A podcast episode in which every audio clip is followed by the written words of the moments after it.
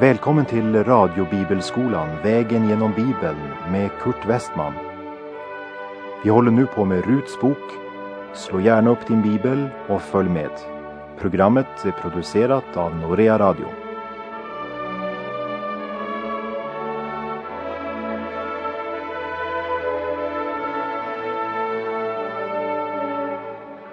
I förra programmet hörde vi hur Rut förklarade för Nomi att hon var redo att lämna allt i Moab och så resa med Nomi till Betlehem för att ta hand om sin svärmor så länge hon levde.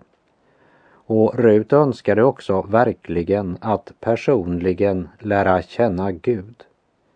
För genom Noomi och hennes familj hade ju Rut fått kunskap om den Gud som man i Moab eljest bara hade hört rykten om. Din Gud är min Gud, sa Rut till Noomi och lämnade Moabs land och reste för att bosätta sig i Betlehem.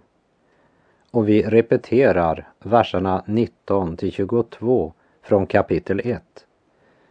Så gick de båda med varandra tills de kom till Betlehem. Och när de kom till Betlehem kom hela staden i rörelse för deras skull. Och kvinnorna sade, detta är ju Noomi. Men hon sade till dem, kalla mig inte Noomi, utan kalla mig Mara. Ty den allsmäktige har låtit mycken bedrövelse komma över mig. Rik drog jag bort härifrån och tomhänt har Herren låtit mig komma tillbaka. Varför kallar ni mig då Noomi när Herren har vittnat mot mig? När den allsmäktige har låtit det gå mig så illa. Så kom då Noomi tillbaka med sin sonhustru moabitiskan Rut när hon vände tillbaka från Moabs land. Och det kom till Betlehem när kornskörden började. Den allsmäktige har låtit det gå mig så illa, sa Noomi. Men Gud hade knutit sitt löfte om välsignelse till landet där de bodde. Och för Elimelek och Noomis del var det Betlehem. Gud hade aldrig kallat dem att lämna brödhuset för att söka hjälp bland avgudstyrkande moabiter. Men det är så typiskt för människan. Först handlar hon emot Guds bud och vilja. Sedan anklagar hon Gud för det som sker. När Noomi och hennes man, trots hungersnöden i Betlehem, hade varit rika gick de bort från brödhuset på grund av yttre omständigheter, prövningar. Men nu, när hon är tomhänt, kommer hon tillbaka. Och som Jesus själv uttryckte det i Johannes 6, 37.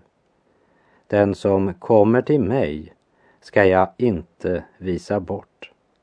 Och Jesus sa också att jag är livets bröd. Den som kommer till mig skall aldrig hungra och den som tror på mig skall aldrig någonsin törsta. Nu är jag tomhänt, säger Naomi, men Herren har låtit mig komma tillbaka.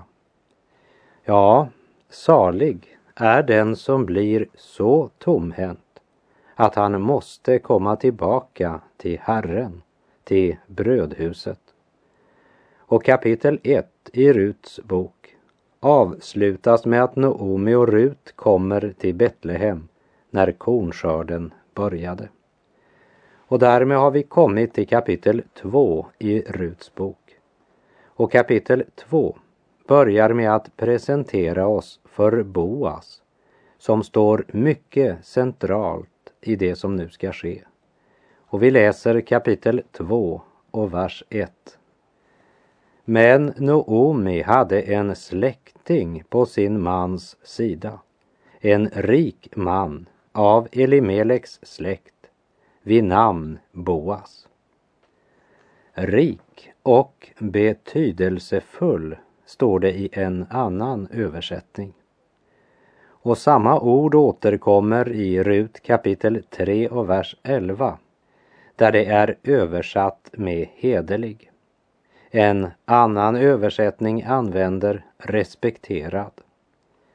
Så vi kan säga att Noomi hade en betydelsefull, rik släkting som var hederlig och mycket respekterad och blir i skriften framställd som exempel på en återlösare. Men det kommer vi till något senare. Men vi lägger märke till att Boas genast blir presenterad som en släkting eller anförvant till Nomis man Elimelek. Och det är mycket viktigt att lägga märke till. Men Noomi hade en släkting. Vi kan inte gå vidare i kapitlet förrän vi nämnt att Boas är en bild på Herren Jesus Kristus. Han som kom till vår jord och blev människa.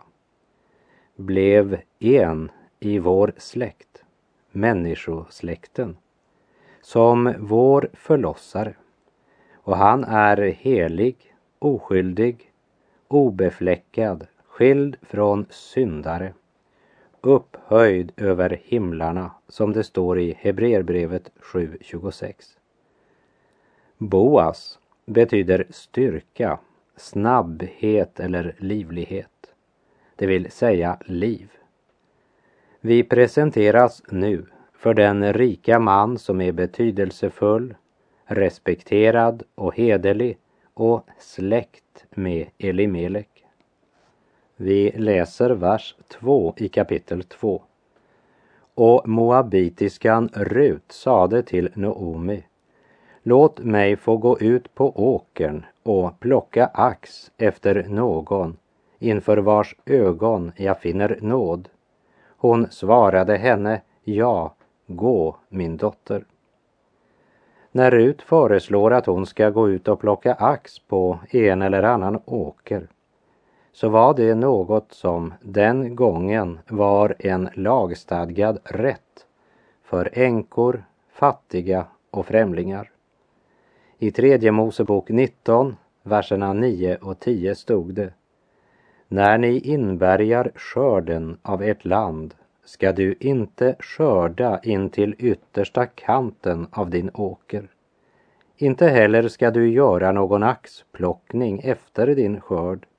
Och i din vingård ska du inte göra någon efterskörd och de avfallna druvorna i din vingård ska du inte plocka upp. Du ska lämna detta kvar åt den fattige och åt främlingen. Jag är Herren, er Gud. Gud hade givit sitt folk ansvar för fattiga och för invandrare, främlingar som levde bland dem. Och lagens klara förmaning riktades till markägaren och den stadfästes igen i tredje Mosebok 23 och när ni inbärgar skörden av ert land ska du inte skörda in till yttersta kanten av din åker. Inte heller ska du göra någon axplockning efter din skörd. Du ska lämna detta kvar åt den fattige och åt främlingen. Jag är Herren, er Gud. Och slutligen påminner Gud Israel på nytt om detta ansvar för främlingar fattiga och änkor i femte Mosebok 24.19. Om du, när du inbärgar skörden på din åker, glömmer en kärve kvar på åkern ska du inte gå tillbaka för att hämta den, ty den ska då tillhöra främlingen, den faderlöse och änkan. Detta ska du iaktta för att Herren din Gud må välsigna dig i alla dina händers verk. Den fattige, eller främlingen, kunde inte bara komma till markägaren och få en viss del av skörden färdigskördad. De fick det sannerligen inte serverat på ett fat. Han gav dem en uppgift, något att göra. Gå och plocka ax. De var alltså tvungna att arbeta ganska hårt för att få det. I Ordspråken står det i kapitel 21, vers 25. Den lates begärelse för honom till döden genom att hans händer inte vill arbeta. Och i det nya testamentet skriver Paulus i Andra Thessalonikerbrevets tredje kapitel, vers 10. När vi kom till er gav vi er som föreskrift den som inte vill arbeta får inte heller äta. Men här är det viktigt att vi skiljer mellan inte vill arbeta och inte kan, till exempel på grund av sjukdom. Det var den som inte ville som inte heller skulle få äta. Tänk på hur tidigt i människans historia Gud på grund av synden var tvungen att undervisa och förmana människan om hennes ansvar för dem som är i nöd. Guds ord ger verkligen både främlingen och den fattige en chans. Ja, egentligen är det bara Guds ord som ger den fattige en rättfärdig del. För eh, politikerna gör det i alla fall inte. De söker inte efter den fattiges rättigheter, utan de söker bara efter röster som kan ge dem makt. Men Guds ord pålägger varje människa ett ansvar för både den fattige och för främlingen. Det bör vi tänka på.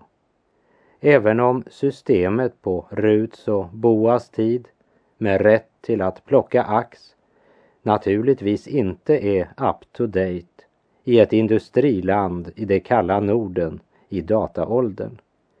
Men det är uppenbart att Guds socialplan på Ruts och Boas tid var mycket effektiv. Och även idag har Gud samma omsorg för människans nöd, både andligt och även lekamligt. Gud är god, men människan är ond. Därför måste Gud ständigt påminna människan om ansvaret vi har för varandra.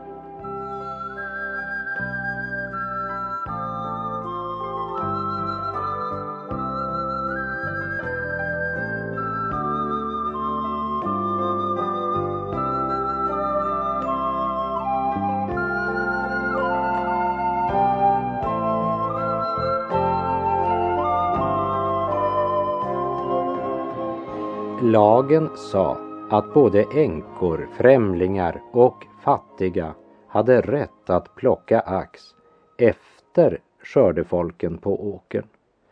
Noomi var både änka och fattig. Rut var både främling, änka och fattig. Och det är tydligt att Noomi har lärt Rut vilka lagar och förordningar som gällde i Israel. Och därför säger Rut till sin svärmor Noomi Låt mig gå ut på åkern och plocka ax efter någon inför vars ögon jag finner nåd. Och Noomi svarar Gå, min dotter. Och vi läser vers 3. Då gick hon iväg och kom till en åker och plockade ax där efter skördemännen. Och det hände sig så för henne att åkerstycket tillhörde Boas som var av Elimeleks släkt. Om eh, du hade kunnat se Rut där hon den här dagen gick på vägen från Betlehem ut till åkermarkerna så skulle du ha sett en flicka som inte hade en aning om till vilken åker hon skulle gå. Och här måste vi komma ihåg att det är mycket viktigt att hon hamnar på rätt åker och får eh, möta Boas.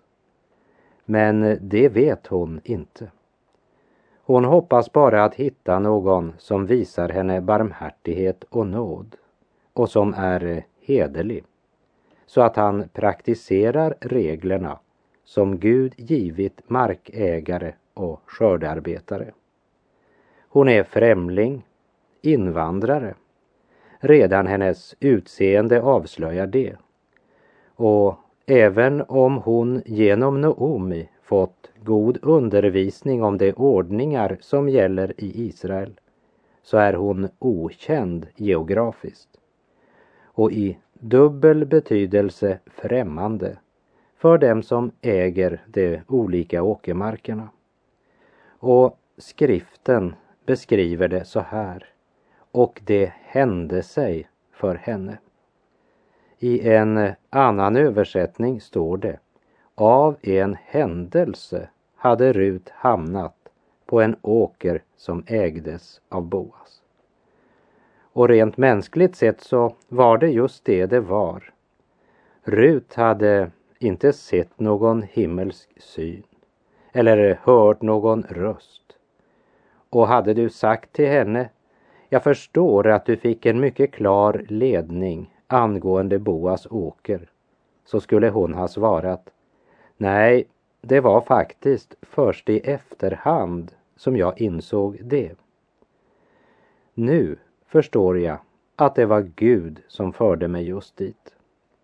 Wilhelm Bergling, han sa en gång att ofta är Guds ledning så självklar och naturlig att man faktiskt inte tänker på den. Då Jesu fosterfar Josef drog till Betlehem för att låta skattskriva sig tillsammans med sin hustru Maria så gjorde han bara sin plikt som medborgare i det av romarna ockuperade Israel. Men genom att han gjorde det så uppfylldes ett mycket viktigt gudomligt rådslut. För världens frälsare skulle efter profetian födas i Davids stad Betlehem. Och när Rut nu möter Boas så sker faktiskt något liknande. Som det som skedde med Josef när han reste för att låta sig skattskrivas.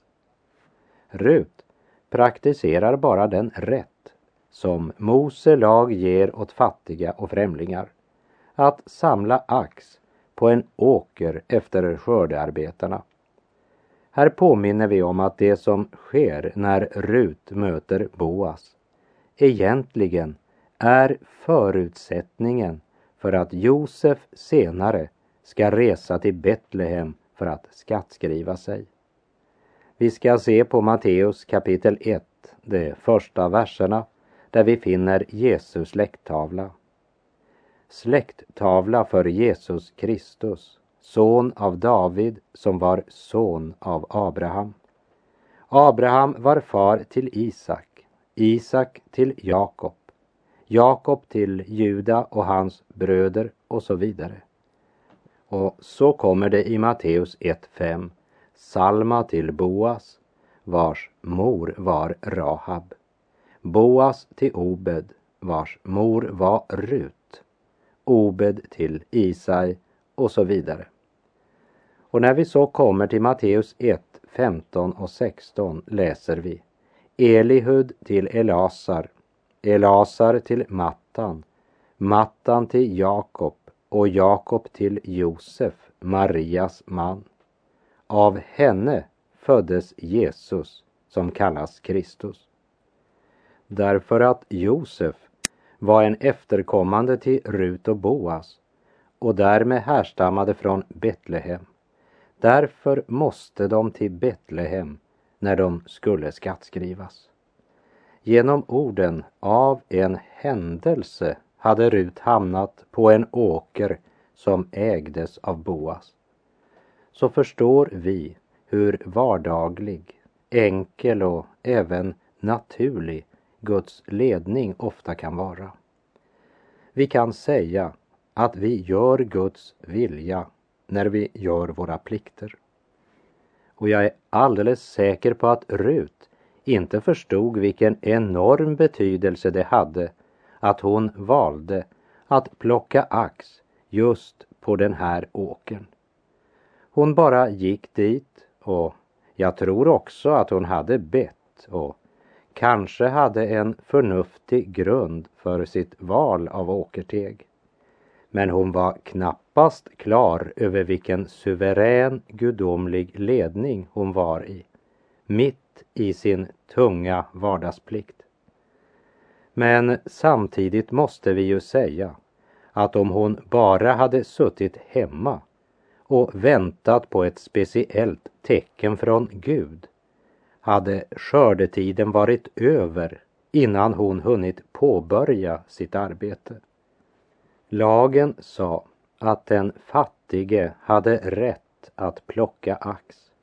Och Rut kände ansvar och omsorg för Noomi och så gjorde hon det som var hennes rätt och hennes plikt. Det betyder inte att Gud inte än idag också kan ge oss mycket konkret ledning genom sitt ord och sin helige Ande och genom direkta uppenbarelser. Som till exempel det vi kan läsa om i Apostlagärningarna 8, 26 och följande. Där det berättas om hur en Herrens ängel säger till Filippus att han vid middagstiden ska gå ut på vägen som leder från Jerusalem till Gaza och hur han där får förklara skriften för en etiopisk man.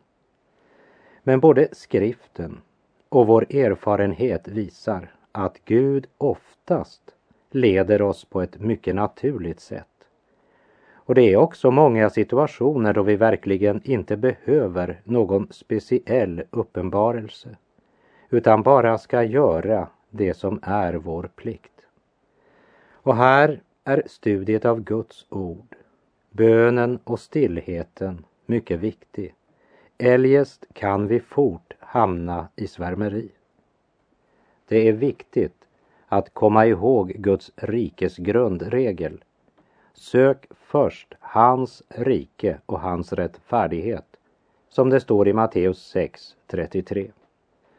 Guds ord är den troendes klara ledstjärna. Men ordet måste uppenbaras för våra hjärtan.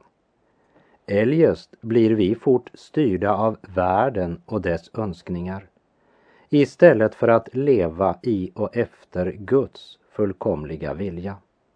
Och problemet ligger väl djupast sett på viljeplanet. När Guds ord säger att den som söker han skall finna så är det inte tomma ord men en evig sanning. Och även om det ordet först och främst talar om vår frälsning så gäller det även detta att förstå vad som är Guds vilja. Men eh, ofta kan vi i efterhand se Guds ledning där vi helt enkelt gjorde vår plikt i vardagen, lik Rut som gick ut på en åker för att samla ax. Bibeln säger ju att Rut av en händelse hade hamnat på Boas åker och så står det i kapitel 2, vers 4. Och Boas kom just då dit från Betlehem. Han sade till skördemännen, Herren vare med er. Det svarade honom, Herren välsigne dig. Boas kom just då. Det vill säga ännu en händelse som mänskligt sett såg ut som en tillfällighet men som visar att Gud har kontrollen. Boas är en betydelsefull och rik man. Han har många ting att sköta och hålla reda på. Han har tydligen den här morgon uträttat några ärenden i Betlehem. Efter det så kommer han ut till sina skördefolk på åkern. Och just genom att sköta det som är hans ansvar och göra sin plikt i vardagen är också han mitt i Guds ledning utan att han själv egentligen är klar över det. Vi har tidigare sett att Rut hamnade på rätt åker och här i vers 4 lägger vi nu märke till att Boas kommer just i det rätta ögonblicket. Och det tredje vi verkligen ska lägga märke till i vers 4 är vad Boas gör när han kommer ut till sina skördearbetare. Han säger till skördefolket, Herren vare med er. Det är det första en anställd i aktiebolaget Boas får höra när han möter sin arbetsgivare. Och de anställda svarar honom, Herren välsigne dig. Denna enda lilla vers säger otroligt mycket både om denne arbetsgivare och hans anställda. Det är ju inte någon vanlig ton idag precis, varken från arbetsgivaren eller från den anställde. Och efter den här hälsningen så frågar Boas tjänaren som hade uppsikt över skördemännen om han visste var den unga kvinnan som plockade ax hörde hemma, varifrån hon kom. Det är egentligen en mycket gripande och fascinerande del av Bibeln vi nu har kommit till. Där ute på åkern står denna unga flicka från främmande land som redan hunnit uppleva sin svärfars död och även sin egen mans död och också sin svågers död. Och hon sa sig redo att lämna allt hon hade i Moab, släkt vänner, avgudsfesterna och den livsstil hon vuxit upp med och även skiljas från sin svägerska Orpa och sin egen familj. Och hennes svärmor hade inte lockat henne med guld och gröna skogar utan förkunnat sanningen om vad det kunde kosta att välja Betlehem. Men Rut var redo att ta både förödmjukelser och sannolikt måste leva som ogift, fattigdom och strävan. Och nu är hon i landet Noomi kom ifrån. Och i tro till Guds ord som gav henne rätt att plocka ax på en åker så är hon nu här ute på åkern och plockar ihärdigt ax för sig och sin svärmor Nomi och hon är inte klar över att skördearbetarnas förman har sett hur flitigt och trofast hon arbetar. Och han förklarar för Boas. Och vi läser verserna 6 och 7. Tjänaren som hade uppsikt över skördemännen svarade och sade Det är en moabitisk kvinna, den kvinna som har kommit hit med Noomi från Moabs land. Hon bad att hon skulle få plocka och samla ihop ax bland kärvarna efter skördemännen. Och så kom hon. Och hon har hållit på sedan i morse ända till denna stund. Bortsett från att hon nyss har vilat något lite där inne. Hon är varken lat eller likgiltig. En riktig arbetsmyra. Men det är inte hennes ihärdiga arbete som ska bli hennes lycka men det är Boas kärlek. Rut strävar på åkern och vet inte att han som äger allt detta älskar henne. Med det är tiden ute för den här gången. Så det får vi se närmare på i nästa program. Herren vare med dig. Må hans välsignelse vila över dig. Gud är god.